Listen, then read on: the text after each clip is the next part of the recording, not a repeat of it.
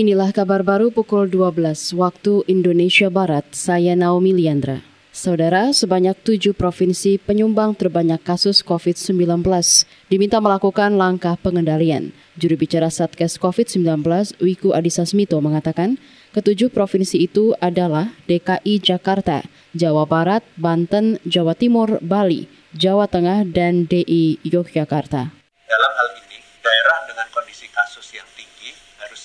melakukan langkah pengendalian, termasuk dengan melakukan pembatasan aktivitas masyarakat yang sudah tertuang dalam instruksi Menteri Dalam Negeri nomor 9 tahun 2022 terkait PPKM level 1 sampai dengan 3 di wilayah Jawa Bali. Yang kedua adalah pengendalian mobilitas agar kasus pada daerah hotspot tidak meluas. Juru bicara Satgas COVID-19 Wiku Adhisa Smito menambahkan, disiplin protokol kesehatan menjadi kunci utama keberhasilan penanganan pandemi. Per kemarin, infeksi harian COVID-19 bertambah lebih dari 40 ribu kasus. Sementara kasus aktif di Indonesia mencapai 280-an ribu kasus. Kita ke Jawa Tengah. Pemerintah Kota Tegal menerapkan kebijakan PPKM level 3 selama satu bulan hingga 10 Maret mendatang. Wali Kota Tegal, Dedi Yon berharap kebijakan ini mampu menekan laju penularan COVID-19.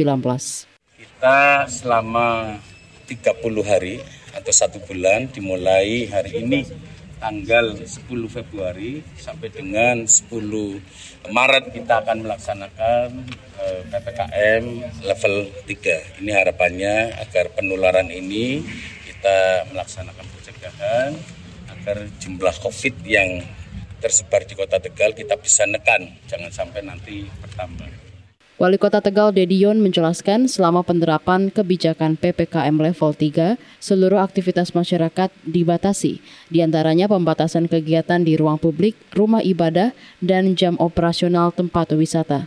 Pemerintah Kota Tegal juga akan mematikan seluruh lampu di sepanjang jalan trotoar, alun-alun, dan taman kota itu. Beralih ke informasi mancanegara. Presiden Amerika Serikat Joe Biden meminta warga negaranya yang ada di Ukraina segera hengkang. Ini menyusul ketegangan antara Ukraina dengan Rusia yang semakin memanas.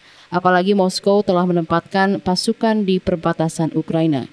Biden mengatakan warga Amerika di Ukraina bukan berhadapan dengan organisasi teroris, melainkan dengan salah satu pasukan terbesar di dunia, dan penyerangan bisa terjadi kapan pun.